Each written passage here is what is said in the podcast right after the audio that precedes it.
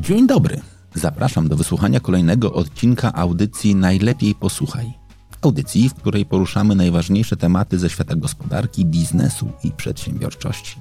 Rozmawiamy z ekspertami o globalnych trendach i tym, w jaki sposób wpływają one na działalność firm w Polsce, Europie i na świecie. Rozmawiamy z liderami biznesu, przedsiębiorcami o tym, w jaki sposób reagują na wyzwania i wykorzystują nadarzające się okazje. W dzisiejszej audycji porozmawiamy o energetyce, ale nie po to, aby narzekać, ale po to, aby racjonalnie odpowiedzieć na najważniejsze pytania. Jak będzie wyglądało wychodzenie z kryzysu energetycznego w krótko, średnio i długoterminowej perspektywie? Czy zamrożenie cen energii elektrycznej do odbiorców końcowych to dobry ruch? Jakie działania mogą zapewnić nam stabilizację cen energii w przyszłości? Dlaczego właśnie dziś musimy jeszcze bardziej dbać o środowisko? Dzisiejszym gościem jest Jarosław Wajer, lider działu energetyki EY na rynkach Europy Środkowej, Wschodniej, Południowej i Azji. Ekspert w zakresie podnoszenia efektywności i budowania strategii transformacji w biznesie. A ja nazywam się Wojciech Hera i jest mi niezwykle miło, że mogę być gospodarzem dzisiejszego odcinka podcastu. Najlepiej posłuchaj.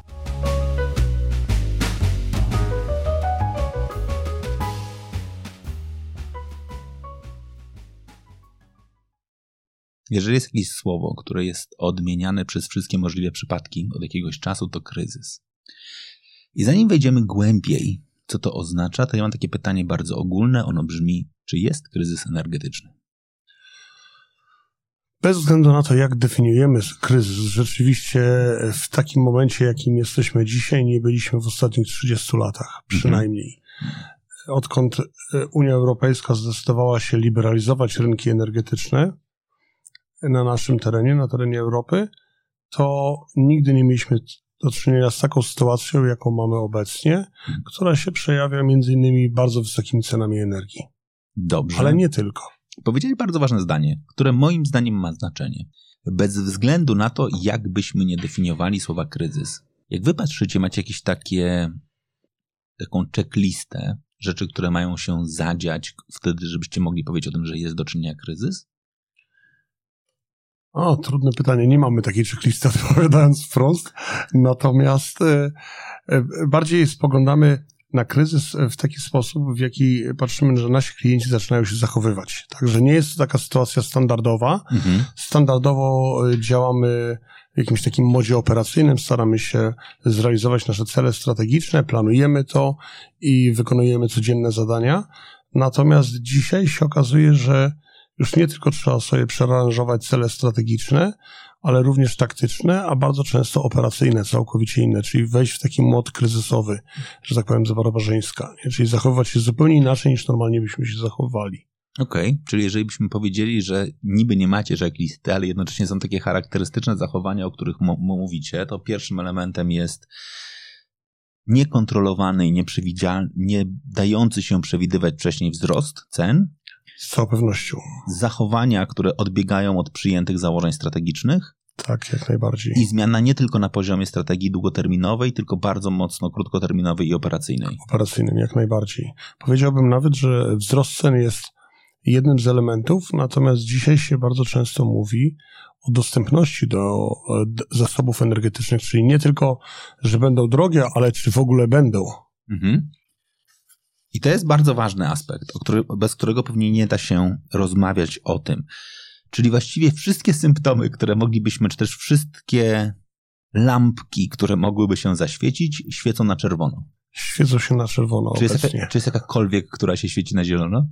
Duża część przedsiębiorstw wciąż osiąga spore zyski.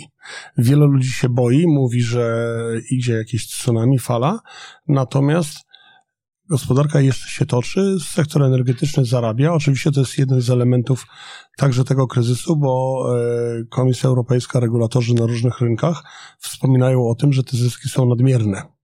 No dobrze, to skoro, skoro mówimy dokładnie o tych zmianach, które się dzieją z perspektywy zarówno jakby zmian na poziomie operacyjnej, długoterminowej, średnioterminowej, czy też jakby strategicznej, długoterminowej, krótkoterminowej, ale i operacyjnej, to gdybyś ty miał opowiedzieć, jak ty to dzisiaj widzisz? Jakie jest twoje spojrzenie w ogóle na tą sytuację, która się dzieje? Rynek energetyczny w 80% e, w naszej części świata wciąż korzysta z zasobów naturalnych węgla, paliw, e, gazu. Mhm. To jest przetwarzane na energię elektryczną. E, wydobycie tych paliw z ziemi ma pewien charakter, powiedziałbym, cykliczny, jeżeli chodzi o koszty wydobycia i o ilość wydobycia. Z uwagi na to, że w pewnym momencie mamy wyższą cenę, jak wysoka jest cena, to przedsiębiorcy zaczynają mocniej inwestować. Mhm. Wtedy mamy więcej, e, więcej wolumenu, więcej możliwości zakupu, więc cena spada. Mhm. Jak cena spada poniżej pewnego poziomu, przedsiębiorstwa przestają inwestować i to cena w jakimś momencie znowu rośnie, czyli widzimy taką cykliczność, tak jak cykle gospodarcze. W 2018 roku mieliśmy pierwszą interwencję, przynajmniej w Polsce i kilku krajach z naszego regionu, bowiem wtedy ceny energii elektrycznej były bardzo wysokie, mhm. jak na tamte czasy. Dzisiaj powiedzielibyśmy, że życzymy sobie takich cen, jakie były wtedy. Natomiast w 2018 roku rząd y, zainterweniował. W naszym kraju powiedział, że cena energii dla odbiorców końcowych, czyli spółka, która sprzedaje energię elektryczną, nie może korzy- e, prosić o wyższą cenę niż była mhm. pół roku wcześniej, wtedy to były ceny z czerwca 2018 roku. Pół roku później przyszedł kryzys związany z COVID-em akurat. Mhm. E, ceny energii spadły, drastycznie spadły. W roku 2020 te ceny były cały czas niskie i jakieś dwa, trzy kwartały roku 2021 te ceny były również bardzo niskie na rynkach. Mhm. One były tak niskie, że nie opłacało się de facto nawet magazynować. Koszt magazynowania był droższy niż koszt zakupu nie opłacało się budować infrastruktury, bo to były najniższe ceny historycznie, realnie. Wszyscy mówili, że paliwa nie będą nam już potrzebne. Za mhm. chwilę idzie fala elektromobilności, idzie fala coraz większej efektywności silników. Transport nie będzie wykorzystywał już e, paliw w takim e, w takiej ilości jak wcześniej, więc każdy oczekiwał coraz mniejszego E, zapotrzebowania w kolejnych latach. Z drugiej strony instytucje finansowe mówiły, skoro to jest sektor umierający, to nie będziemy dawali na niego finansowania, mhm. nie ma sensu inwestować. Te inwestycje były coraz trudniejsze i cena energii rzeczywiście dołowała. Coś się zaczęło dziać pod koniec ubiegłego roku, w czwartym kwartale. Dzisiaj dużo komentatorów e, wiąże to już z wojną na wschodzie. Mhm. Natomiast wtedy yy, wie, wśród wielu dyskusji mówiło się o takim perfect stormie, mhm. jak to mówią e, e, nasi koledzy z zachodu, a więc, że wiele różnych czynników w tym samym momencie jakoś się zebrało, tak, skumulowało. I między innymi przyszła sroga zima. Nie, ta zima mhm. była e, bardziej zimna niż rok wcześniej, niż to, co oczekiwali, więc zapotrzebowanie na energię było wyższe. COVID mijał, Gospodarka ruszyła dużo szybciej niż wszyscy się spodziewali, więc również zapotrzebowanie na energię było wyższe. Komisja Europejska w naszej części świata powiedziała, że zamierza wdrażać e, Green, Green Deal, Fit for 55, mhm. wiele różnych e, nowych regulacji, które, jak się analitycy spodziewali, zacisną e, pewne pętle na przedsiębiorstwa, które emitują zbyt dużo gazów cieplarnianych. W związku z tym cena tych gazów poszła też w górę statki, które przewoziły LNG, też nie było statków i tak dalej. Wiele tych czynników. Oczywiście już wtedy mówiło się o e, wykorzystywaniu pozycji monopolistycznej przez firmę Gazprom. Mhm. Tak? Cena szła w górę, ale nikt się nie spodziewał tego, co się będzie działo dalej. W lutym ta cena wystrzeliła po rozpoczęciu inwazji na Ukrainę i do dzisiaj mamy taki okres, gdy te ceny są w taki, na takich poziomach, na których nie były nigdy. Mhm. Patrząc na cenę gazu, ona jeszcze rok temu była mniej więcej po 20 euro za megawattogodzinę. Mhm. Od lutego do dzisiaj już kilkokrotnie się zdarzało, że przekraczała 350 euro mhm. albo około 350 euro. To nie jest wzrost o 20 czy 50%, to jest wzrost 15 razy, mhm. tak, 1500%. W związku z tym, że cena gazu wzrastała, cena CO2 wzrastała, cena prądu również wzrastała, bo paradoksalnie na wielu rynkach e, europejskich, nawet jeżeli wykorzystamy, korzystamy z węgla jak w Polsce, mhm. to w wielu godzinach, w ciągu nawet miesiąca, gaz jest potrzebny, żeby domknąć system, że tak mhm. powiem, tak? Bo zapotrzebowanie na energię jest tak wysokie, że muszą się włączyć jednostki gazowe. Te jednostki gazowe muszą zakupić gaz na wolnym rynku i mniej więcej, tak bardzo łatwo y, przeliczając y, taką regułą kciuka, 2 MWh w gazie są potrzebne na produkcję 1 MWh w prądzie. Mhm. Czyli jak mamy 350 euro w jakimś momencie mieliśmy za megawattogodzinę w gazie, to 700 euro wychodzi nam na megawattogodzinę w prądzie. Przepraszam za dużo tych matematycznych rzeczy, ale do tego dodamy CO2, już nie będę dodawał, koszt CO2 i wychodzi nam nagle cena energii, która w Polsce miała 1500 zł. Mhm. W szczytach była. A rok temu za 250 zł można było kupić, a jeszcze niedawno poniżej 200 też były ceny, gdzie na giełdzie można było energię elektryczną kupić. To pokazuje nam skalę tego kryzysu. I teraz myśląc, co będzie dalej, z jednej strony duża część przedsiębiorstw już dzisiaj mówi, że ma duże problemy, jeżeli chodzi o cenę energii. E, paradoksalnie rynek energii elektrycznej, szczególnie w naszej części świata, jest kontraktowany najczęściej w jednostkach rocznych. Mhm. Czyli jak ja jestem przedsiębiorcą, prowadzę ga, e, e, moją działalność operacyjną w Polsce, najczęściej się kontraktuję na cały rok i robię to w ubiegłym roku. Okay. Czyli prawdopodobnie w październiku ubiegłego roku podpisałem jakąś umowę i cały rok 2022 mam zakontraktowany de facto to, co widzę, to są ryn ten rynek krótko, bardzo krótkoterminowy, to wielu przedsiębiorstw dzisiaj nie dotyka jeszcze. On dopiero dotknie przedsiębiorstwo od kolejnego roku, jak wejdą w życie nowe kontrakty, nowe taryfy. Tak? Oczywiście nie każdy ma kontrakty y, pokryte z rokiem kalendarzowym, więc część przedsiębiorstw już dzisiaj to odczuła. Duża część gospodarki odczuje te wysokie ceny w przyszłym roku realnie. Więc y, nasi y, regulatorzy, czyli y, zarówno ludzie, którzy są ministrowie w rządach, jak i ludzie, którzy zarządzają y, urzędami, które regulują energetykę, już dzisiaj mówią, że trzeba się na to przygotować, bo w innym przypadku uderzy to w realną gospodarkę. Czyli w inne przedsiębiorstwa, szczególnie dużych konsumentów energii elektrycznej, i one będą niekonkurencyjne na rynku. Czyli na przykład huty, które produkują stal, mhm. wykorzystują bardzo dużo energii, mhm i nagle ta stal będzie niekonkurencyjna w stosunku do stali sprowadzonej z innych części świata, którzy nie mają aż takich problemów. Możemy się zapytać, co nas do tego doprowadziło. E, strategia Komisji Europejskiej była dosyć jasna, jeżeli chodzi o rynek, i ona była, powiedziałbym, bardzo racjonalna. Mhm. Mówi, mówiło się bardzo dużo o dywersyfikacji dostaw, że ma być zasada tak zwana third party access, czyli jeżeli ktoś ma infrastrukturę, to nie może mieć interesu w tym, żeby sprzedawać e, energię, czy to będzie gaz, czy to będzie ropa, czy to będzie prąd, a ten, kto sprzedaje, nie, ma, nie powinien być właścicielem infrastruktury. E, natomiast było dużo przypadków i o, mimo tych wszystkich celów, chęci i aspiracji, które Komisja Europejska wygłaszała, w dużej części tak byliśmy zależni od dostawców z Rosji, mhm. co się okazało bardzo dużym błędem, nie? że ta zależność nie została zerwana szybciej, więc pierwszym efektem, który, o którym możemy mówić, co się będzie działo, to z całą pewnością zerwanie tej zależności i myślę, że na długie lata. To nie będzie tylko efekt krótkoterminowy. Komisja Europejska już zaraz po rozpoczęciu wojny zaczęła e, wspominać o planie Repower EU mhm. i tam podstawowym elementem oczywiście była ta dywersyfikacja. Dzisiaj dywersyfikacja przybiera jeszcze inny obraz, bo wiele osób podejrzewa, wciąż są prowadzone śledztwa, że Rosja celowo zaprzestaje sprzedaży, tak? Strasząc mhm. kraje Unii Europejskiej, czyli, że ta dywersyfikacja i tak będzie z automatu, czy chcemy tego, czy nie, my nie będziemy mieli energii, e, nośników energii z Rosji, więc będziemy musieli to dywersyfikować w jeden czy inny sposób. Nie? Z drugiej strony, te ceny energii wbrew e, wszystkiemu, co możemy zrobić, one i tak wzrosną. Mhm. Prawdopodobnie nie będą e, na tym poziomie, na którym były w maksymalnych momentach od rozpoczęcia wojny, natomiast one będą wyższe niż przed wojną. Przed wojną, tak jak wspominałem, mhm. te ceny były najniższe historycznie.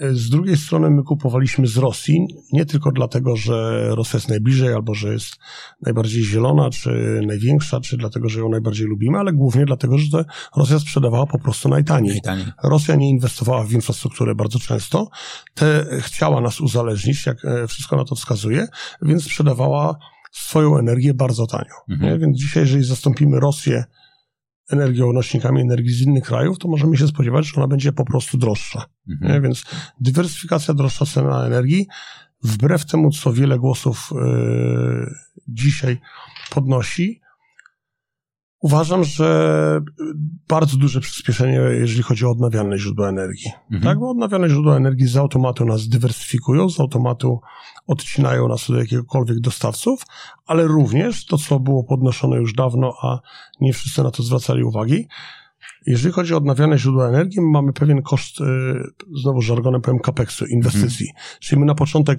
wiem, musimy wydać 100, mhm. Ale potem już nie płacimy za paliwo, które, tak jak cena gazu rośnie lub maleje, rośnie, maleje w odpowiednich częściach, czyli my mamy dokładny, dokładną wiedzę, jakie będą koszty tej energii w kolejnych 15-25 latach. Więc odnawialne źródła energii dają, y, zmniejszają niepewność, no i dostarczają, dostarczają energię. Oczywiście przyjmuję wiele tych y, głosów krytycznych związanych z tym, że jak nie wieje, czy jak nie świeci, no to energii nie ma. Mhm. Wiele osób mówi, więc to, to jest energia niekontrolowalna. Pamiętajmy, że gaz, dopóki jest dostarczany, to jest, ale jak go nie ma, to też go nie ma. Tylko się okazuje, że, bo mówimy dzisiaj, że wiele gospodarek Unii Europejskiej, jak niemiecka czy włoska, może mieć problem z dostępem w ogóle do gazu, mhm. a ich duża część e, przedsiębiorstw, nie tylko z sektora energetycznego, ale przedsiębiorstw korzysta z gazu. Mhm. Jeżeli, czyli brak gazu będzie oznaczał nie droższy, ale w ogóle brak dostępu do wielu produktów, które są produkowane przez niemiecką gospodarkę, jeżeli by się ten scenariusz zrealizował. Mhm. Dobrze. Ja bym chciał z Tobą porozmawiać za chwilę e, o elementach związanych dokładnie z zieloną energią, z inwestycjami, ale to jest jednakże perspektywa przynajmniej średnio, średnioterminowa. Mnie interesuje to, co spędza wielu z nas sens powiek. Najbliższa zima. Po pierwsze, tak. dostęp do energii. Czy my możemy się spodziewać tego, że będzie problem z ogrzewaniem? Tu muszę polegać na tym, co mówią nasi rządzący. Mhm. Tak, że w naszym kraju problemu z ogrzewaniem nie powinno być. Zobaczymy, jak będzie. Pewnie to zależy też od tego, jak sroga zima przyjdzie mhm. następna. Natomiast y, Polska jest w o tyle dobrej sytuacji, że z jednej strony mamy dostęp do y, gazu norweskiego, czyli wybudowaliśmy infrastrukturę w ostatnich latach, mhm. pomimo tego, że dużo głosów podnoszonych było które dotyczyły kwestii ekonomicznej, że ta cena gazu była tak tania, że nie było sensu tego budować, mhm. to będą wysokie koszty. Dzięki temu dzisiaj mamy dostęp do gazu e, norweskiego i to trzeba jasno podkreślić. Z drugiej strony nasze magazyny są wypełnione, jak czytałem w ubiegły weekend, e, w 100%. Mhm. E, jeżeli chodzi, nawet powyżej 100%, jeżeli chodzi o te rezerwy obowiązkowe, mhm. tak, czyli mamy magazyny wypełnione, no i z trzeciej strony część, część, jeżeli chodzi o gaz, Część gazu jest e, dostępna, ponieważ my ją wydobywamy sami, hmm. tak? Czyli wydaje się, że mamy dużo lepszą, no na pewno mamy dużo lepszą sytuację niż wielu, wiele krajów europejskich i wydaje się, że gazu nie powinno nam zabraknąć w ciągu zimy. Mhm. Największe ryzyko, o którym się mówi, to się y, mówi o węglu. Mhm. Tak? W Polsce oczywiście sektor ciepłowniczy w dużej części jest na węglu, mhm. więc jest dyskusja, co będzie, ponieważ e, Rosja była jednym z głównych dostawców węgla do Polski. Nie jedynym, bo Kolumbia, mhm. mówi się teraz o Kolumbii, Australia jest dużym producentem węgla. W wielu miejscach świata mamy dostęp do węgla. Ten węgiel, oczywiście, jego cena wzrosła w ostatnich latach. Mhm. Nie dlatego, że koszty wydobycia węgla wzrosły, tylko dlatego, że węgiel jest widziany jako alternatywa dla jako alternatywa dla gazu, więc mhm. przedsiębiorstwa, które mają, zdają sobie sprawę z tego, e, po ile jest cena energii elektrycznej, po ile jest cena gazu dzisiaj, też prowadzą swoją politykę cenową. To raz. Z drugiej strony jednak wzrosło zapotrzebowanie na węgiel, mhm. bo wie, akurat w tym roku znowu się sprzysięgło trochę rzeczy przeciwko nam. Jak zobaczymy e, statystyki produkcji energii elektrycznej w Europie, to Dużo mniej energii produkujemy z wody, mhm. bo lato było bardzo ciepłe i suche. Mhm. W Polsce w sierpień z trzy tygodnie było powyżej 35 stopni, więc nie było wody, więc produkcja energii elektrycznej z wody była niższa niż w ostatnich kilku latach. Jak było bardzo ciepło, to wiatr też mniej produkował. Mhm. Paradoksalnie w wielu miejscach także energetyka fotowoltaiczna mniej produkuje, bo jak jest zbyt ciepło, nie tak ma chłodzenia, mhm. ona też nie jest tak efektywna, jak mogłaby być, tak? Więc e, tej energetyki odnawialnej było mniej niż poprzednio, dostępu do gazu nie było, albo ta cena gazu wystrzeliła, więc elektrownie węglowe pracowały w dużo e, większym zakresie niż w ubiegłym roku i w poprzednich latach, co oznacza, że zapotrzebowanie na węgiel było wyższe, no i ceny węgla także wzrosły. Nie? I u nas u nas się mówi nawet nie o cenach, tylko trochę o logistyce, no bo ten węgiel jak był rozwożony torami, w dużej części torami, ale nie tylko, bo one też przypływały mhm. statkami, o czym się nie mówi, ale dużo węgla też z Rosji przypływało statkami. Natomiast no, pytanie jest, jak logistycznie teraz to rozwieść, jeżeli 100% węgla importowanego będzie przypływało z, z, z północy do Polski, teraz trzeba to rozwieść okay. po cen. Ale, ale z tego, co słyszę, czytałem wywiad z panią minister klimatu w weekend, wygląda na to, że będzie, może nie wszystko będzie od razu, Aha. natomiast jak ktoś nie kupi węgla, nie wiem, 4 czy 6 ton, jeżeli yy, ma swój własny prywatny piec, za jednym razem przez, na początku zimy, no to będzie mógł dokupywać sporadycznie, nie wiem, co, sukcesywnie. Co miesiąc, sukcesywnie, dokładnie, nie? Czyli u nas wydaje się, że nie będzie problemu, niektóre kraje mają dużo większe problemy. Nie? My mamy też terminal LNG, jeżeli chodzi o gaz, również część gazu czerpiemy z terminala z krajów bałtyckich, tak? mhm. tak? Z Litwy mamy możliwość stamtąd zarówno gazu, jak i e, energii elektrycznej kupowania, więc nie powinno być tak źle. Rzeczywiście głównym problemem jest cena, prawdopodobnie u nas. Natomiast właśnie dlatego różni regulatorzy dyskutują, jaką interwencję podjąć na rynkach energetycznych. Mhm. Z jednej strony no mamy ten paradoks, przez 30 lat liberalizowaliśmy rynki i w kolejne dyrektywy wchodziły, każdy twierdził, że rynek jakoś się uspokoi, sam się zarządzi. Natomiast teraz no rzeczywiście mamy kryzys, którego nie mieliśmy, więc oczywistym jest to, że jakaś interwencja powinna mieć miejsce, nie? No ale ona jest trudna do okay. zrobienia mówiąc o jakiejś interwencji, masz, rozumiem, rozporządzenie Rady Unii, Unii Europejskiej. Czy, Między czy innymi, czy rozumiem, że dzisiaj są, nie, są dyskusje, myślę, że jedno i drugie. Okay. Rada e, Unii Europejskiej e, powiedziała, wskazała kierunki i rekomendacje i też pewne wymagania od krajów członkowskich.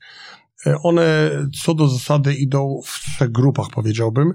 Z jednej strony duża e, część jest oparta o efektywność energetyczną, mhm. żebyśmy po prostu trochę bardziej szanowali energię. Tam się mówi o 10%, żeby obniżyć 10%, żeby w momentach tych największego zapotrzebowania na energię elektryczną obniżyć przynajmniej o 5% zużycie mhm. i tak dalej. Coś, co w Polsce widzę przez wiele lat nie było traktowane poważnie. Oczywiście mieliśmy białe certyfikaty, pewne e, regulacje dotyczące audytów energetycznych, ale jednak duża część przedsiębiorstw mówiła, ta cena energii jest tak tania, że to mhm. nie wchodzi nam na radar w ogóle. Nie? Mhm. Po co mamy oszczędzać coś, co jest bardzo tanie i dostępne? Mhm. Więc Unia Europejska na, najpierw mówi, Jedna rzecz to jest ta efektywność energetyczna, po prostu zużywajmy mniej, szczególnie w niektórych godzinach. Z drugiej strony musimy wspierać e, tych, którzy są najbardziej zagrożeni. Mhm. Mówi się o gospodarstwach domowych, o tych szczególnie, które zużywają mało energii, więc yy, w domyśle to są takie taryfy socjalne, gospodarstwa domowe, które są biedniejsze, które mhm. nie mają dużych domów, nie zużywają dużej ilości energii. No i z trzeciej strony, ja o tym trochę wspomniałem, ale zauważyło, e, regulatorzy zauważyli, bo że część przedsiębiorstw jednak na tym korzysta, mhm. tak, na, na, tym, na tym kryzysie. E, więc mówią, trzeba wprowadzić pewne e, podatki, opodatkowanie od ponadnormatywnych zysków, żeby zebrać pieniądze właśnie na to, żeby pomóc tym najbardziej potrzebującym. Nie? Najbardziej potrzebującym nie tylko gospodarstwom domowym, ale oczywiście również przedsiębiorstwom. Mhm. Więc to są te trzy grupy, o których mówi dzisiaj Komisja Europejska i o tym również rozważają poszczególne rządy. To jest ciekawe, co mówisz. Jedno z moich ukochanych, czy też jeden z moich ukochanych cytatów, powiedzeń to mądre rzeczy, które robisz w złych czasach, kreują dobre czasy, złe rzeczy, które robisz w dobrych czasach, kreują złe czasy. I jak trochę słucham o tym, to w dużej mierze ta sytuacja jest trochę pochodną tego, że robiliśmy trochę złych rzeczy. Byliśmy rozpasani. To trochę mówisz, niska cena energii powodowała, że stać nas było na to, żeby jej nie oszczędzać, żeby być nieracjonalnym. A z drugiej strony mam takie przekonanie, że dzisiaj trudna sytuacja daje przyzwolenie trochę, żeby robić jeszcze gorsze rzeczy. Mam na myśli naszą odpowiedzialność środowiskową. Mam na myśli mówienie o tym, że możemy sobie pozwolić na to, żeby produkować energię, na przykład na poziomie domowym, na myśli energię cieplną, z, z czegokolwiek. Z czegokolwiek. Tak? Oprócz tego, że to i wymaga pewnie też trochę wiedzy o fizyce i o tym, że kaloryczność, że tak, kaloryczność tak. jest istotnym elementem, że z jednej strony nie wszystko, co płonie, daje energię cieplną, e, ale to już, jest, to już jest zupełnie inna historia. Ja bym chciał w ogóle porozmawiać o tym, czy my dzisiaj nie powinniśmy z kolei pójść właśnie w tą drugą stronę i powiedzieć sobie, dobra, skoro mamy trudne czasy, to znaczy, że ekologia powinna być naprawdę najwyższym priorytetem. Ja bym powiedział, rzeczywiście w naszym kraju szczególnie, bo często prowadzimy dyskusje, których już się nie prowadzi na Zachodzie. Mhm. Ja dużo ostatnio podróżowałem, w kilku krajach e, Europy byłem i, i tam pewnych dyskusji już się nie prowadzi. Po mhm. pierwsze, czy warto, czy nie warto, tam już jest takie zupełnie oczywiste. Ta dyskusja już przeszła. Mhm. My w tym e, obszarze, nie chcę tego krytykować, jesteś, ale jesteśmy opóźnieni, to jest, to jest fakt. Z drugiej strony rzeczywiście kwestie środowiskowe, e, pytanie w ogóle dlaczego, jak to się zaczęło, czy to, ja mam, nie wiem, w ostatnich dwóch miesiącach kilka dyskusji z członkami zarządów moich klientów, którzy to dostrzegali, mówili, a czy, czy w ogóle środowisko, czy to jest istotne, czy to jest prawda, że przedsiębiorstwa na to wpływają, czy że człowiek na to wpływa, więc to były takie rzeczy, które mnie trochę, że tak powiem, oszołomiły, nie? że jak, jak można jeszcze o tym rozmawiać.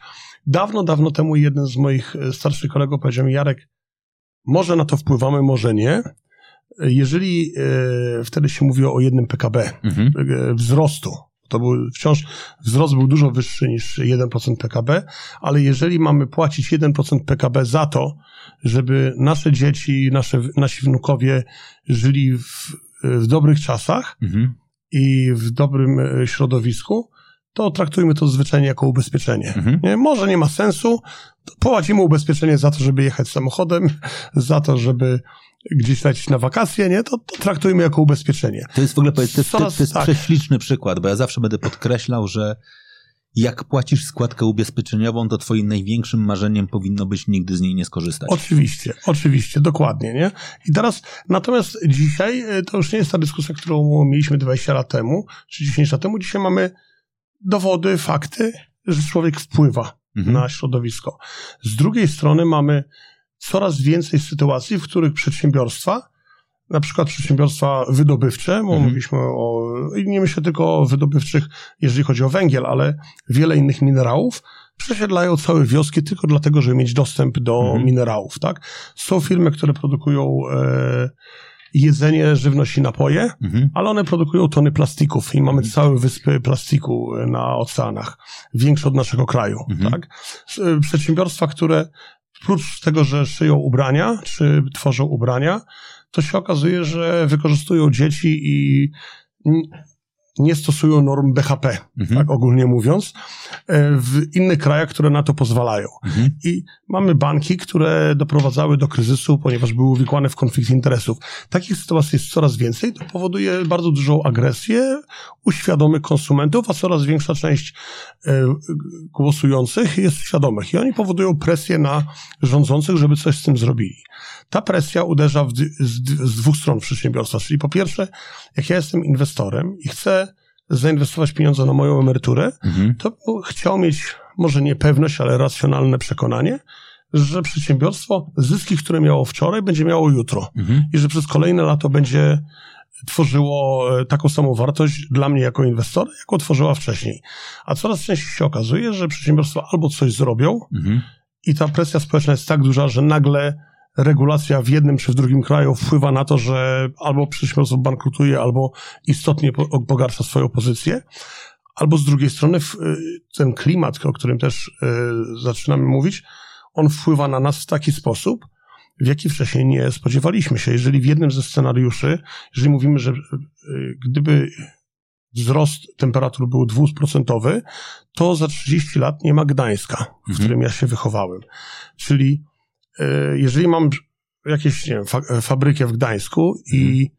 dzisiaj widzę, że w jednym ze scenariuszy Gdańsk może być zalany wodą z Bałtyku, no to jest pytanie, czy ja jestem świadomy, co ja robię, czy mam jakiś plan awaryjny, mhm. tak, bo ten klimat na nas wpływa. Mieliśmy suszę, przed chwilą wspomniałem, trzy tygodnie w tym roku, e, e, ponad 35 stopni w Polsce, Odra, mhm. dużo niższy poziom rzek, tak, jeszcze kwestie, które do dzisiaj są dyskutowane, co było powodem, co nie było powodem, natomiast z całą pewnością ten klimat i zdarzenia klimatyczne są coraz częstsze, coraz bardziej agresywne, powiedziałbym, i wpływają coraz mocniej na przedsiębiorstwa. I to jest dyskusja, czy przedsiębiorstwo ma w ogóle świadomość tego, jak ono wpływa na klimat, ale z drugiej strony, jak klimat wpływa na niego. Nie?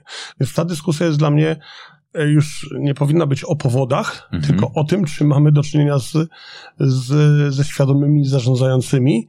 Dlatego też duża część kapitału na ostatnim spotkaniu środowiskowym, tym COP26 w Glasgow, premier Wielkiej Brytanii, ówczesny premier, powiedział, że 90% kapitału, fundusze inwestycyjne, emerytalne, infrastrukturalne de facto zdefiniowały, że one i zdecydowały, że będą inwestowały tylko w przedsiębiorstwa, które mają tego świadomość, które po pierwsze są świadome sytuacji, analizują sytuację, mają swój plan, łącznie z planami alternatywnymi i realizują ten plan, czyli mają tak zwany governance, ład korporacyjny dostosowany pod to, żeby ten plan realizować i monitorują, pokazują, co się dzieje. Nie? Czyli nie mają członka zarządu, którego wynagrodzenie zależy również od celów środowiskowych.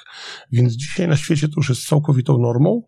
W Polsce no rzeczywiście wciąż się dyskutuje, ale widzę coraz, większe, coraz większą świadomość tego tematu, szczególnie u y, zarządzających przedsiębiorstwami. Więc myśląc o tym kryzysie energetycznym, też uważam, że jest całkowitą okazją i szansą do tego, żeby przetransformować wszystko mhm. w stronę w stronę takiej neutralności klimatycznej, powiedziałbym, nie? Bo my nie musimy sadzić drzew, powiedzmy, tak już mhm. mówiąc bardzo cynicznie, ale nie powinniśmy doprowadzić do tego, żeby negatywnie wpływać na środowisko, mhm. tak? Czyli róbmy wszystko, żeby nasz wkład w emisyjność, w zatrucie ziemi, w zatrucie wody, w dostęp do wody był zerowy, że tak powiem. Czyli jeżeli byśmy mieli podsumować to, ty masz takie przekonanie, że kryzys energetyczny ma szansę przyspieszyć w ogóle odpowiedzialność środowiskową. Tak, i dużo, wie, dużo ludzi o tym mówi. Tak, dla przykładu z, z mojej branży, e, od kilku lat się dużo mówiło o tak zwanych niezależnych kontraktach na zakup energii elektrycznej, która pochodzi z odnawialnych źródeł energii elektrycznej. I teraz e, dużo się mówiło, część moich kolegów mówiła, a Jarek, my tam doradzamy, robimy coś, ale realnie na koniec dnia przedsiębiorstwa nie podpisują tych umów. Dzisiaj jak cena nagle wyskoczyła e, istotnie w górę, o czym mówiliśmy, wszyscy chcą podpisać, tylko nie ma z kim. Tak? Mhm. Tak, bo już dawniej jak byli deweloperzy, którzy e, projektowali, budowali, chodzili po zgody i powstawały te odnawialne źródła, nowe moce energii elektrycznej, to nie mieli bardzo często problem z finansowaniem, który się wiązał z tym, że nie mieli zbytu, mhm. bo nie mieli komu tego sprzedać. Banki mówiły, no fajnie, ale my nie jesteśmy przekonani, że jak będzie sprzedawał na giełdę, to ta cena będzie pokrywała twoje koszty, tak? Mhm. I nasz e, kapitał, który ci e, damy, czy on będzie spłacony. Natomiast e, dzisiaj wszyscy mówią, słuchajcie, my chcemy zakontraktować jakkolwiek, bo to nam da gwarancję na następnych 10 lat, gwarancję przynajmniej ceny, mhm. tak? W dużej mierze dostępu oczywiście dużo ludzi mówi, no tak, ale to jest jeden system, tam wszystko się blenduje, więc ja nie wiem, czy ta energia jest z tego konkretnego źródła, czy z innego źródła. Na koniec dnia, jeżeli dzięki naszym pieniądzom, dzięki naszemu kontraktowi powstało nowe źródło, mhm. całkowicie nowe, które by nie powstało dzięki naszemu kontraktowi, ono ma pierwszeństwo w dostępie do sieci, więc tej energii w całym systemie jest więcej, mhm. to też my spowodowaliśmy. Nie? I tego typu kontraktów widzę coraz więcej dzisiaj. Mhm. E, myślenie o efektywności energetycznej też się zwiększyło. Dzisiaj przedsiębiorstwo od razu pytają, co mogę zrobić, tylko bez porządnego audytu energetycznego nie wiemy, co możemy zrobić, bo my nie wiemy, gdzie tę energię tracimy, w którym miejscu i jaką energię, bo bardzo często przedsiębiorstwa to, co mają, no to nie, nie wykorzystują tylko energii elektrycznej, ale mhm. często gaz, mhm. sprężone powietrze, ciepło i tak dalej, nie? Chłód również, więc ta energia jest w różnych nośnikach dostarczana do przedsiębiorstwa i teraz jak ją oszczędzać, którą energię, gdzie ta alternatywa jest najlepsza, no to, to trzeba rzeczywiście zbadać, zastanowić się i to nie jest proste. Mhm. Ja bym chciał teraz spojrzeć na to trochę z perspektywy dłuższej, czyli takiej, średnio, takiej średnioterminowej. Jeżeli byśmy przyjęli taką strategię dobra, to musimy dywersyfikować źródła energii. W Polsce najbardziej prawdopodobnym są farmy wiatrowe, czy nie? W Polsce mamy dużo zasobów różnych, oczywiście odnawialnych źródeł energii, ale wciąż przy dzisiejszej technologii mhm najtańsze, jak e, liczymy taką średnią cenę energii, ale w całym okresie życia aktywa, czyli taki farma wiatrowa jak, e, będzie pracowała przez kolejne 20-30 lat, to jakbyśmy policzyli wszystkie koszty, ale również e, całą energię wyprodukowaną i byśmy podzielili, gdzie nam się opłaca to sprzedawać, i to powstanie nam taka cena LCOE, tak zwane, mhm. nie? w żargonie. E, I najtańsze jest z farm wiatrowych lądowych mhm. wciąż, bo te farmy mogą e, produkować energię z 3,5 tysiąca godzin w ciągu roku, podczas gdy farma fotowoltaiczna produkuje energię 1000-1100 godzin w ciągu roku. Mhm. Dzisiaj się coraz więcej mówi, bo technologia się bardzo mocno zmieniła, poszła do przodu i ten koszt LCOS spadł istotnie w ostatnich 20 latach na temat innej technologii, farm wiatrowych morskich. Mhm. I mamy bardzo duży program w Polsce, który przewiduje inwestycje w tym obszarze. Tak? To jednak e, będzie miało miejsce dopiero za kilka lat. Rzeczywiście w długim 2025-2026 rok to pierwsza energia ma szansę popłynąć z tych farm wiatrowych mhm. morskich. Także mamy całkiem sporo miejsca. To, co widzę, czego nie robimy, moglibyśmy robić, bo inne przedsiębiorstwa na zachodzie bardzo mocno w to inwestują, to jest e, to są różne kwestie związane z magazynowaniem energii, ale również z zielonym wodorem. Zielonym czy inne kolory tak zwane wodoru, mhm. Y, który między innymi może służyć do, do zakolorowania energii, ale y, czyli do jednej, z jednej strony z, zbilansowania, czyli magazynowania energii, a z drugiej strony zmienia ten kolor, że tak powiem, energii zużywanej przez przedsiębiorstwa, więc dekarbonizuje w takim żargonie, czyli zmniejsza ślad węglowy przedsiębiorstw. Bo dzisiaj Polska jest trzecim e, producentem i konsumentem wodoru mhm. w Europie, natomiast to jest wodór czarny, szary. Okay. Tak? Czyli przy produkcji tego wodoru e, powstaje bardzo dużo CO2. Mhm. Jest emitowanych. E, teraz ten sam wodór, gdyby tylko zamienić na wodór bezemisyjny, no to już będziemy mieli bardzo duży wpływ na środowisko. Pozytywny. Mhm. Okay. Nas się o tym mówi, natomiast widzę na zachodzie y, Niemcy, Włochy, Hiszpania, bardzo dużo tego typu projektów się robi. Mhm. W, tym tygodniu, w ubiegłym tygodniu był taki największy kongres wodorowy. Tak jak rozmawialiśmy tam z inwestorami, z instytucjami finansującymi, to też widziałem, trochę miałem takiego, jak to nazwać, yy, szukam polskiego słowa, no, yy, Envy, envy, podekscytowania. Nie, nie, nie, nawet nie podekscytowania, byłem zazdrość, zazdrość że, okay. tyle rzeczy tam robią, nie? Tyle rzeczy się dzieje i trochę nam ten rynek ucieka, bo u nas się dużo mówi o tym, mamy strategię wodorową, natomiast e, natomiast no, realnie dużo się nie dzieje. Mhm. Nie? Co się musi wydać, żeby, żeby zaczęło się dziać? No myślę, że ten kryzys rzeczywiście jest dobrym takim e, czynnikiem, który wpływa na zmiany, bo każdy się zastanawia, co teraz zrobić. Oczywiście z takich oczywistych względów pierwsza, e, pierwsza myśl zawsze jest na tym krótkoterminowym, żeby pomóc tu i teraz, żebyśmy nie ponieśli szkody jak największej. Natomiast myślę, że w ramach tego mam nadzieję, tak, że ktoś pomyśli długoterminowo i to będzie z automatu dookoła tego będziemy pracowali. Z drugiej strony, jeżeli będziemy mieli więcej, coraz więcej mamy odnawialnych źródeł energii, jeżeli cały farm, program farm wiatrowych morskich zostanie zrealizowany, to tej energii będzie bardzo dużo.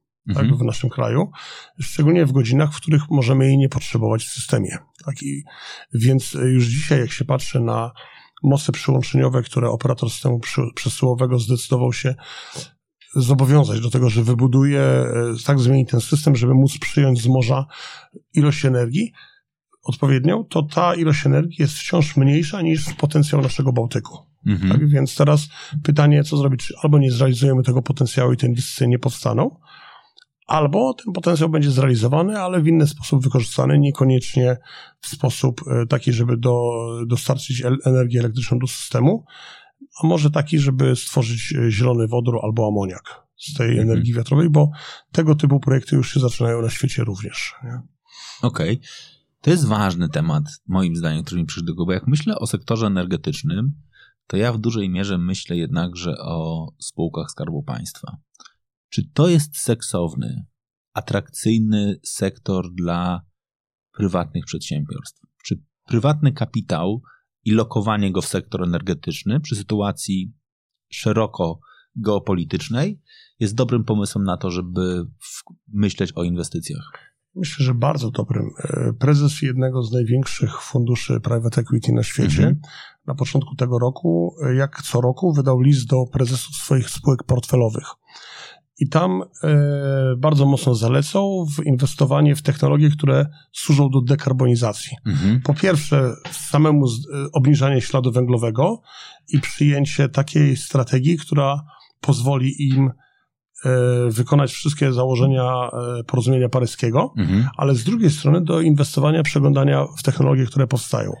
I tam powiedział zdanie, które mi się bardzo podobało i podoba. Powiedział, że kolejne, poprzednie tysiąc tak zwanych jednorożców, czyli spółek, które osiągnęły e, wartość miliarda dolarów na giełdzie, to poprzednie tysiąc jednorożców to były najczęściej spółki internetowe. Mhm. Jakieś wyszukiwarki, e, mhm. spółki, które tworzyły media socjalne i tak dalej, które realnie nie wnosiły niczego do gospodarki, takiej, może nie niczego, to przesadzam całkowicie, ale powiedzmy nie tak dużo. Natomiast kolejne tysiąc, on jest przekonany, to będą spółki, które realnie zmieniają świat. Mhm. Będą spółki, które tworzą technologię do dekarbonizacji i kiedyś ten efekt zostanie osiągnięty takiego przegięcia, że nagle ta technologia wyskoczy i mhm. wybije i będzie korzystna dla całej ludzkości, ogólnie mówiąc. Więc yy, myślę, że sektor energetyczny dzisiaj to jest jeden z najbardziej seksownych takich sektorów, który się zmienia, jak żaden sektor się nie zmieniał. Mhm. Nie? Bo realnie, oczywiście wszyscy młodzi, jak ja kończyłem studia, to myślałem, a fundusze, y, bankowość i tak dalej kolega zawsze mówił, wiesz, banki to biorą pieniądze i dają komuś te pieniądze, nie? I oczywiście zarządzają ryzykiem, wiele różnych rzeczy, tam fintechy i tak dalej, ale tam nie ma aż takich zmian, które są w sektorze. Dzisiaj w sektorze energii elektryczną można e, produkować na e, wiele różnych sposobów. Powstają nowe sposoby. Co dwa, co trzy lata koszty krańcowe produkcji się zmieniają istotnie. Te krzywe są wręcz logarytmiczne. One spadają po, jeżeli chodzi o wartość, myśląc o fotowoltaice w ciągu ostatnich 10 lat, to z całą pewnością z 80% koszt energii produkowanej z fotowoltaiki spadł. Więc jeżeli ktoś nie śledzi sytuacji, to zostaje z ręką w nocniku, nie? jeżeli mhm. zainwestuje w coś i nie będzie tego robił. Bardzo dużo przedsiębiorstw wchodzi na ten rynek. Mhm. Oczywiście jest dużo zagrożeń z tym związanych, bo nie każdy rozumie ten rynek. I na przykład sprzedaż energii elektrycznej to jest taka sama sprzedaż jak sprzedaż kubków czy sprzedaż jabłek. Mhm. Tak? Natomiast problem jest taki, że o każdej godzinie, co 15 minut również, e, energia jest produkowana przez różne źródła i ten koszt krańcowy produkcji może się zmieniać istotnie, więc cena również się zmienia. Mhm. Czy na rynku bilansującym, czy na giełdzie energii. Jak ja sprzedaję do kogoś po cenie, no to teraz ten ktoś najczęściej nie chce. W Polsce ten model się ukształtował taki, że najczęściej ludzie nie chcą mieć ceny zmiennej. zmiennej. Mhm. Ludzie chcą mieć stałą cenę na cały rok. Czyli ja się zobowiązuję, sprzedając do ciebie energię, że przez rok utrzymam ci tą cenę. Mhm. Ale ja ją muszę kupować na giełdzie, czyli też albo muszę zakontraktować sobie z taką samą ceną, żeby mieć marżę, albo będę kupował i ryzykował. Mhm. Tak? E, podstawowa strategia, taka zabezpieczająca, gdzie, które wiele przedsiębiorstw wykonuje, to jest taka back to back. Mhm. Czyli ja dokładnie to samo, co tobie sprzedałem, chcę mieć kupione. Mhm. Tego się nie da idealnie w 100% zrobić. Natomiast wiele przedsiębiorstw hołduje tej zasadzie. Niestety wiele nowych spółek na giełdzie, po pierwsze nie rozumie jak to działa, mhm. jak to mhm. może działać, po drugie nie rozumie, że zmienność na giełdzie energii jest dużo większa, zmienność cen, mhm. niż na przykład stopa procentowa. Teraz nam stopa mhm. procentowa wzrasta, ale od roku 2000, nie wiem, drugiego, trzeciego, mhm. to stopa była mała i nawet jakieś wahania były dużo, dużo mniejsze w stosunku do danej stopy niż to, co mamy na, na giełdzie energii. Mhm. Tak? Więc e, spółki, które handlują energią, przy różnych zakrętach, ja zawsze mówię, wy, wypadają. Kapitał, e, bariera takiego wejścia nie jest istotna, trzeba mhm. mieć oprogramowanie odpowiednie, kilku ludzi zatrudnić, można zaczynać handlować energią, natomiast ta, ten koszt hedżowania tej energii jest bardzo istotny i konsekwencja w hedżowaniu, bo ja widzę też, to, to też w Polsce, ale nie tylko w Polsce, to wszędzie e, bardzo podobnie wygląda.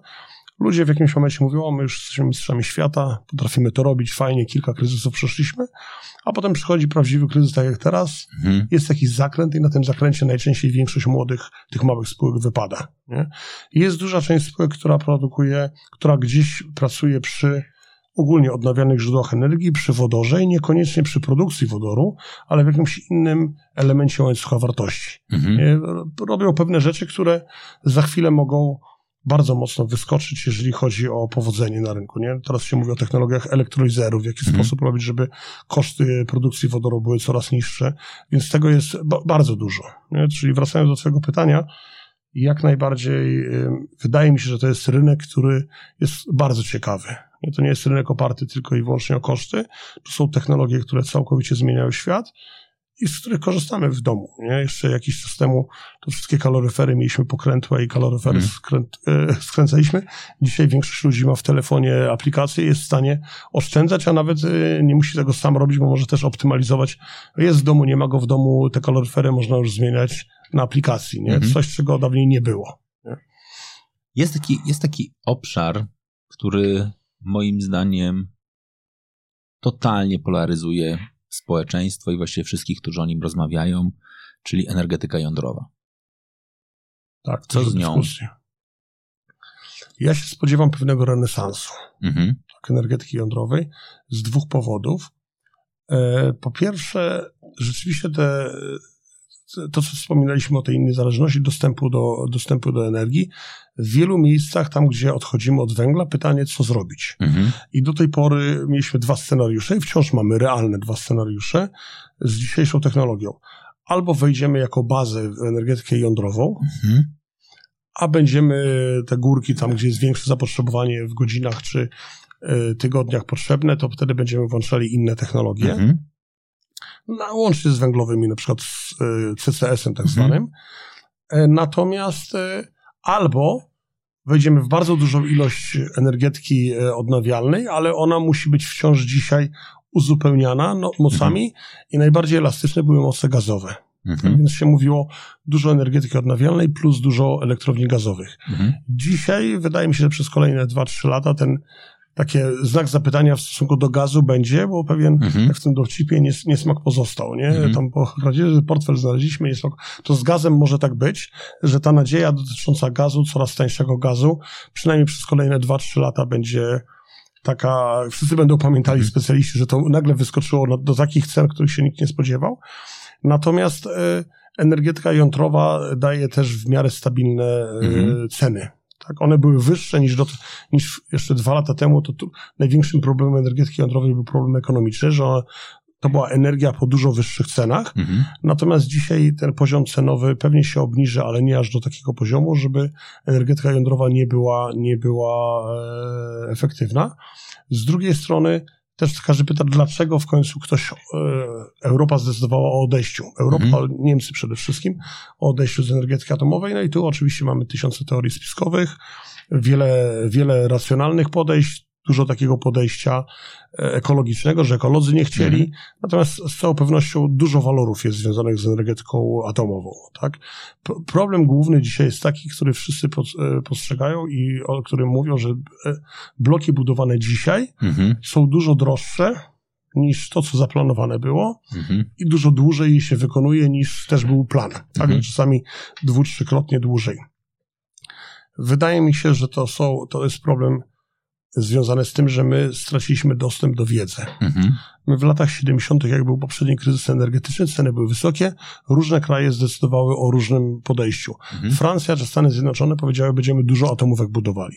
Jak się budowało 20-30 elektrowni atomowych w tym samym czasie, to ta wiedza była wszystkie błędy, które popełniliśmy, mogliśmy szybko, szybko. naprawić mhm. i mogliśmy to gdzieś tam, e, te, te koszty uśrednić, ujednolicić dla całego sektora.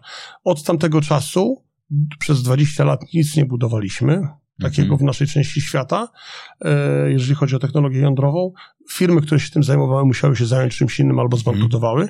Ludzie, którzy wtedy to e, budowali, poszli już na emerytury. Mhm. Więc dzisiaj, jak mówimy o technologii jądrowej, o wszystkich zabezpieczeniach z tym związanych, no to tak naprawdę mamy zupełnie inne pokolenie ludzi, nie? Mhm. Więc te pierwsze bloki, to jest oczywiste, że będą robione z różnymi błędami, niebłędami, koszty będą wyższe, każdy kolejny będzie dużo tańszy, nie? Oczywiście jest problem, problem, no znak zapytania odnośnie całej globalizacji i cofania się globalizacji, że dużo bloków się dzisiaj buduje, ale buduje się w Chinach. Mhm. One budują. No i teraz pytanie, na ile rządy pozwolą, żeby technologię chińską wykorzystywać. W Polsce widzimy, co się dzieje, jest duża dyskusja o tym, kto będzie, e, kto będzie w Polsce budował e, nasz pierwszy duży reaktor. Mhm. To jest tak zwany LNG, LNR. Z drugiej strony jest druga technologia atomowa, o której się w Polsce coraz głośniej mówi. Od jakiegoś półtora roku o tym coraz częściej słyszymy, czyli tak zwane małe reaktory jądrowe. Mhm. I one mają różnego rodzaju definicje. E, niektórzy dostawcy technologii dostarczają bloki, które nazywają SMR-ami, które mhm. mają wartość 300 MW. 300 MW to już jest taki spory blok, mhm. to nie jest mały blok. In, inni mają, nie wiem, 70. Dawniej mówiono, że to powinny być takie modułowe po 10 MW, żeby to gdzieś wszędzie wstawić. Tu jest bardzo duża nadzieja. Mhm. E, jeżeli chodzi o koszty, oczywiście dużo raportów czytałem, które prezentują koszty poniżej 50 dolarów za mhm. megawattogodzinę, że jesteśmy w stanie osiągnąć. Czytałem też analizy, które mówią, że to jest y, zbyt duży PR, mhm. że koszty będą powyżej 100 jednak, że tutaj się nie da obniżyć aż tak kosztów. Tego niestety nie wiemy. Pierwsze, które są budowane, są budowane w Stanach Zjednoczonych. Mhm i one będą wchodziły w taką działalność operacyjną pod koniec naszej dekady 2028, 29, 30. Więc wtedy realnie zobaczymy, czy, czy to działa. Natomiast już sporo przedsiębiorstw, zarówno w Polsce, jak i w Europie, w swoich celach stawia, że będzie chciało e, wdrażać się w rozwój tej technologii, czyli kupować, tak? Dużo... Ale chcesz powiedzieć, że taki SMR mógłby stać na przykład przy jakiejś fabryce?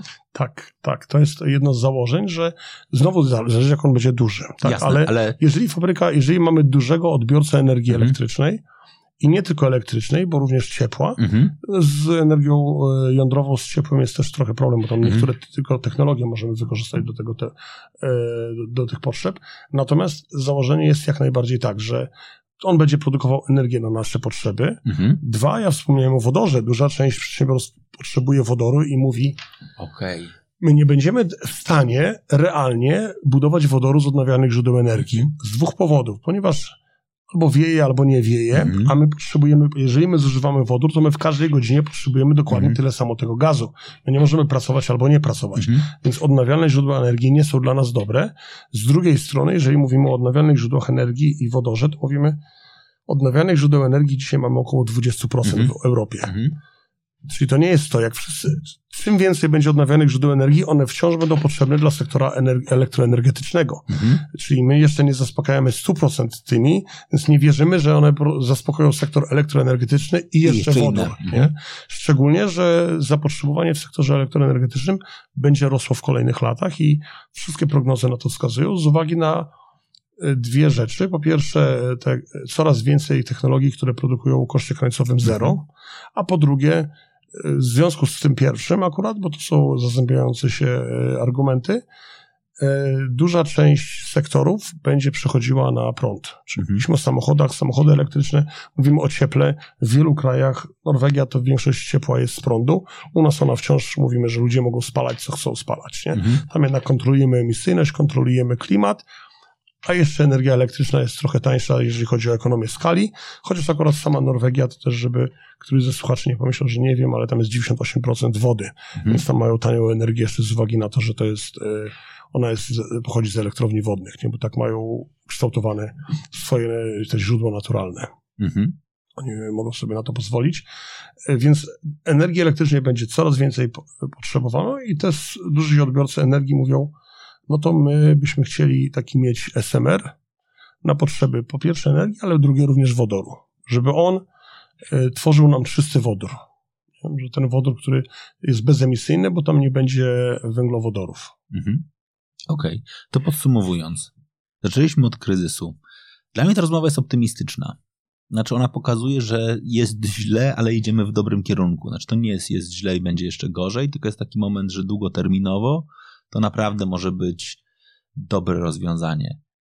Gdybyś ty miał zostawić z twojej perspektywy pięć najważniejszych lekcji, które wynosimy w tej chwili, takich pięć mocnych rekomendacji, które według ciebie dają szansę na pozytywną przyszłość. Oh, znaczy, ja też jestem optymistą, co, bez dwóch zdań. E, uważam, że po pierwsze, myślę, że będziemy więcej inwestowali w nowe technologie. Mhm. Tak? Czyli trochę idziemy w stronę rozwoju, mhm. a nie wykorzystywania starych technologii. Z całą pewnością tu będzie dużo dyskusji teraz, jak co zrobić na wodorze, czy wykorzystać stare nasze systemy do magazynowania gazu, czy do przesyłu gazu, czy nie. Niektórzy mówią, a to będzie to jest tak, jakby chcemy wejść w, w przyszłość, ale wciąż korzystamy z tych przeszłych technologii. Mm -hmm. Więc ja, ja zakładam i wierzę mocno, że te wejście w nowych technologii będzie bardzo mocne, mhm. wejście w nowe technologie. Odnawialne źródła energii, wodór, wiele tych kwestii do magazynowania. Mhm. Tak? Samochody elektryczne, dzisiaj o tym nie wspominamy, ale one również dostarczą baterii, mhm. które będą mogły magazynować energię z systemu. Mhm. Więc to jest jedna rzecz. Druga rzecz, dobudowanie infrastruktury. To jest bardzo duży, e, duży taki impuls inwestycyjny. Mhm. System energetyczny był zupełnie inaczej budowany na inne potrzeby. Dzisiaj wymaga, systemy przesyłowe i dystrybucyjne wymagają dużych inwestycji. Więc e, te inwestycje będą poczynione. Nowe terminale LNG będą mhm.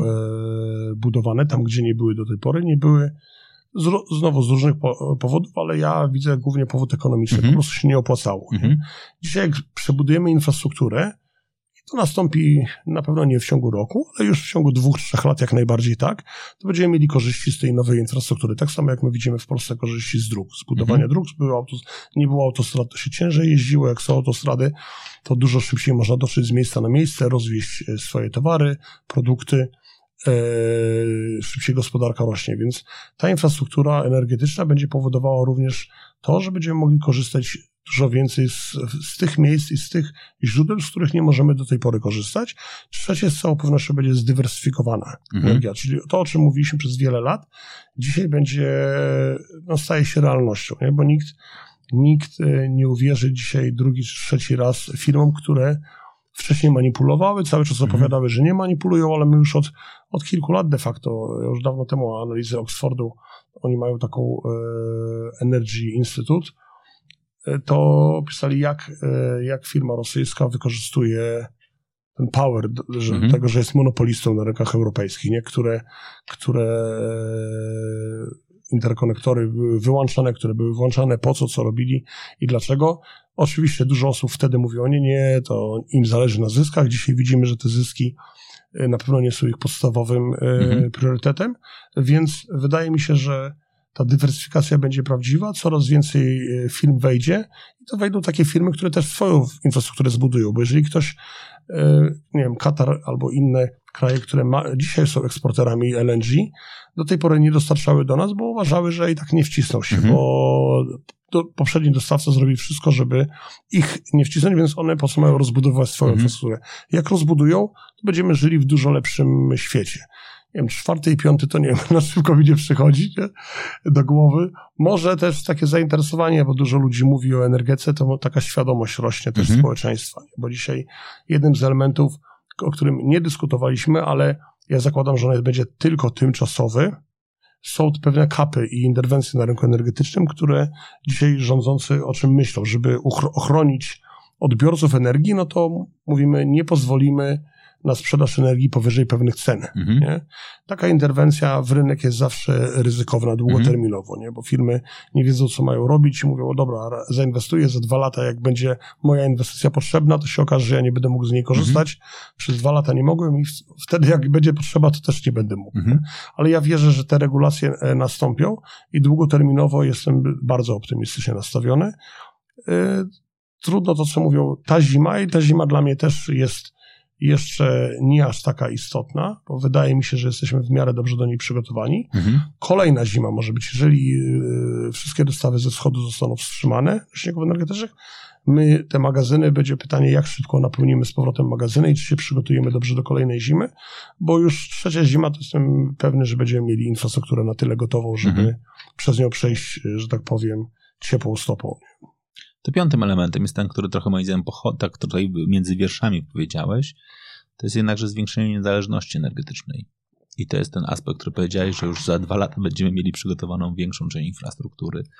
I to jest moim zdaniem dość duży element. Znaczy, na, mówiąc o niezależności, mam nie tylko na myśli, że jeszcze więcej będziemy produkować, ale że faktycznie też dywersyfikujemy źródła no i współpracę. To jest taka, no po angielsku dawniej y, Komisja Europejska wspominała o takich trzech A. Mhm. W Polsce to jest trudno tłumaczalne, bo wszystkie trzy to jest y, to samo słowo, jak gdyby dostęp, ale tam było availability, mhm. accessibility i affordability, mhm. nie? Czyli affordability, że my, że to gdzieś istnieje, mhm. że my mamy do tego dostęp i jeszcze stać nas na to, nie? Mhm. Te trzy mhm. rzeczy i to dopiero oznacza bezpieczeństwo, nie? Więc to jest jak najbardziej tak. I dzisiaj skupiamy się na tym, oczywiście dużo tej przestrzeni prasowej jest takich yy, krzykliwych komentarzy, że tak powiem, nie? które mówią, a będzie źle, będzie, jest duże ryzyko. One też pamiętajmy, że dzisiaj część spółek energetycznych mówi, że jest w stanie dostarczyć mm -hmm. gaz mm -hmm.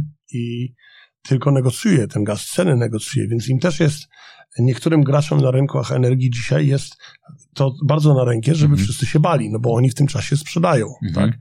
Gorzej mają, rozumiem, że najgorzej mają spółki, które mają pewien kontrakt podpisany, mhm. kontrakt na 5, 10, 15 lat i nagle mu ktoś mówi, słuchaj, no nieważne, że kupujesz drogo, masz sprzedawać tanio, mhm. bo odbiorca energii ma być tani. I pytanie, kto pokryje tą różnicę mhm. i czy zdąży pokryć na czas, bo w przedsiębiorstwach bardzo często jest, znaczy zawsze jest e, ten problem, że to nie chodzi, czy on ma zyski, czy ma straty, mhm. nawet. Oczywiście, że przedsiębiorstwo powinno mieć zyski, natomiast czy ma cash flow. Czy ma cash flow. Tak. Mhm. w danym momencie okej, okay, ktoś mi odda, była ta dyskusja w Polsce o składach węgla, tak, mhm. że mają dostać pieniądze, ale za rok i może nie w tej kwocie, nie, i nie wiadomo od kogo, cała historia, więc tutaj myślę, że część przedsiębiorstw się na pewno boi, ale to nie jest cała gospodarka, mhm. nie, i zakładam, że nasi regulatorzy będą na tyle świadomi, żeby też wiedzieć, że te przedsiębiorstwa mają swój udział, nie, w mhm. tym, w całości i nie może to być robione kosztem niektórych przedsiębiorstw, tak.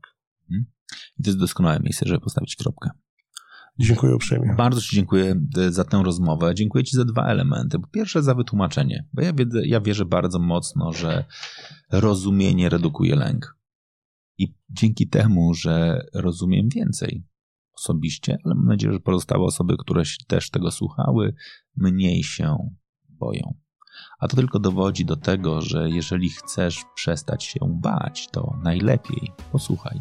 Czyli podcast realizowany przez EY Polska. Do usłyszenia. Dziękuję uprzejmie.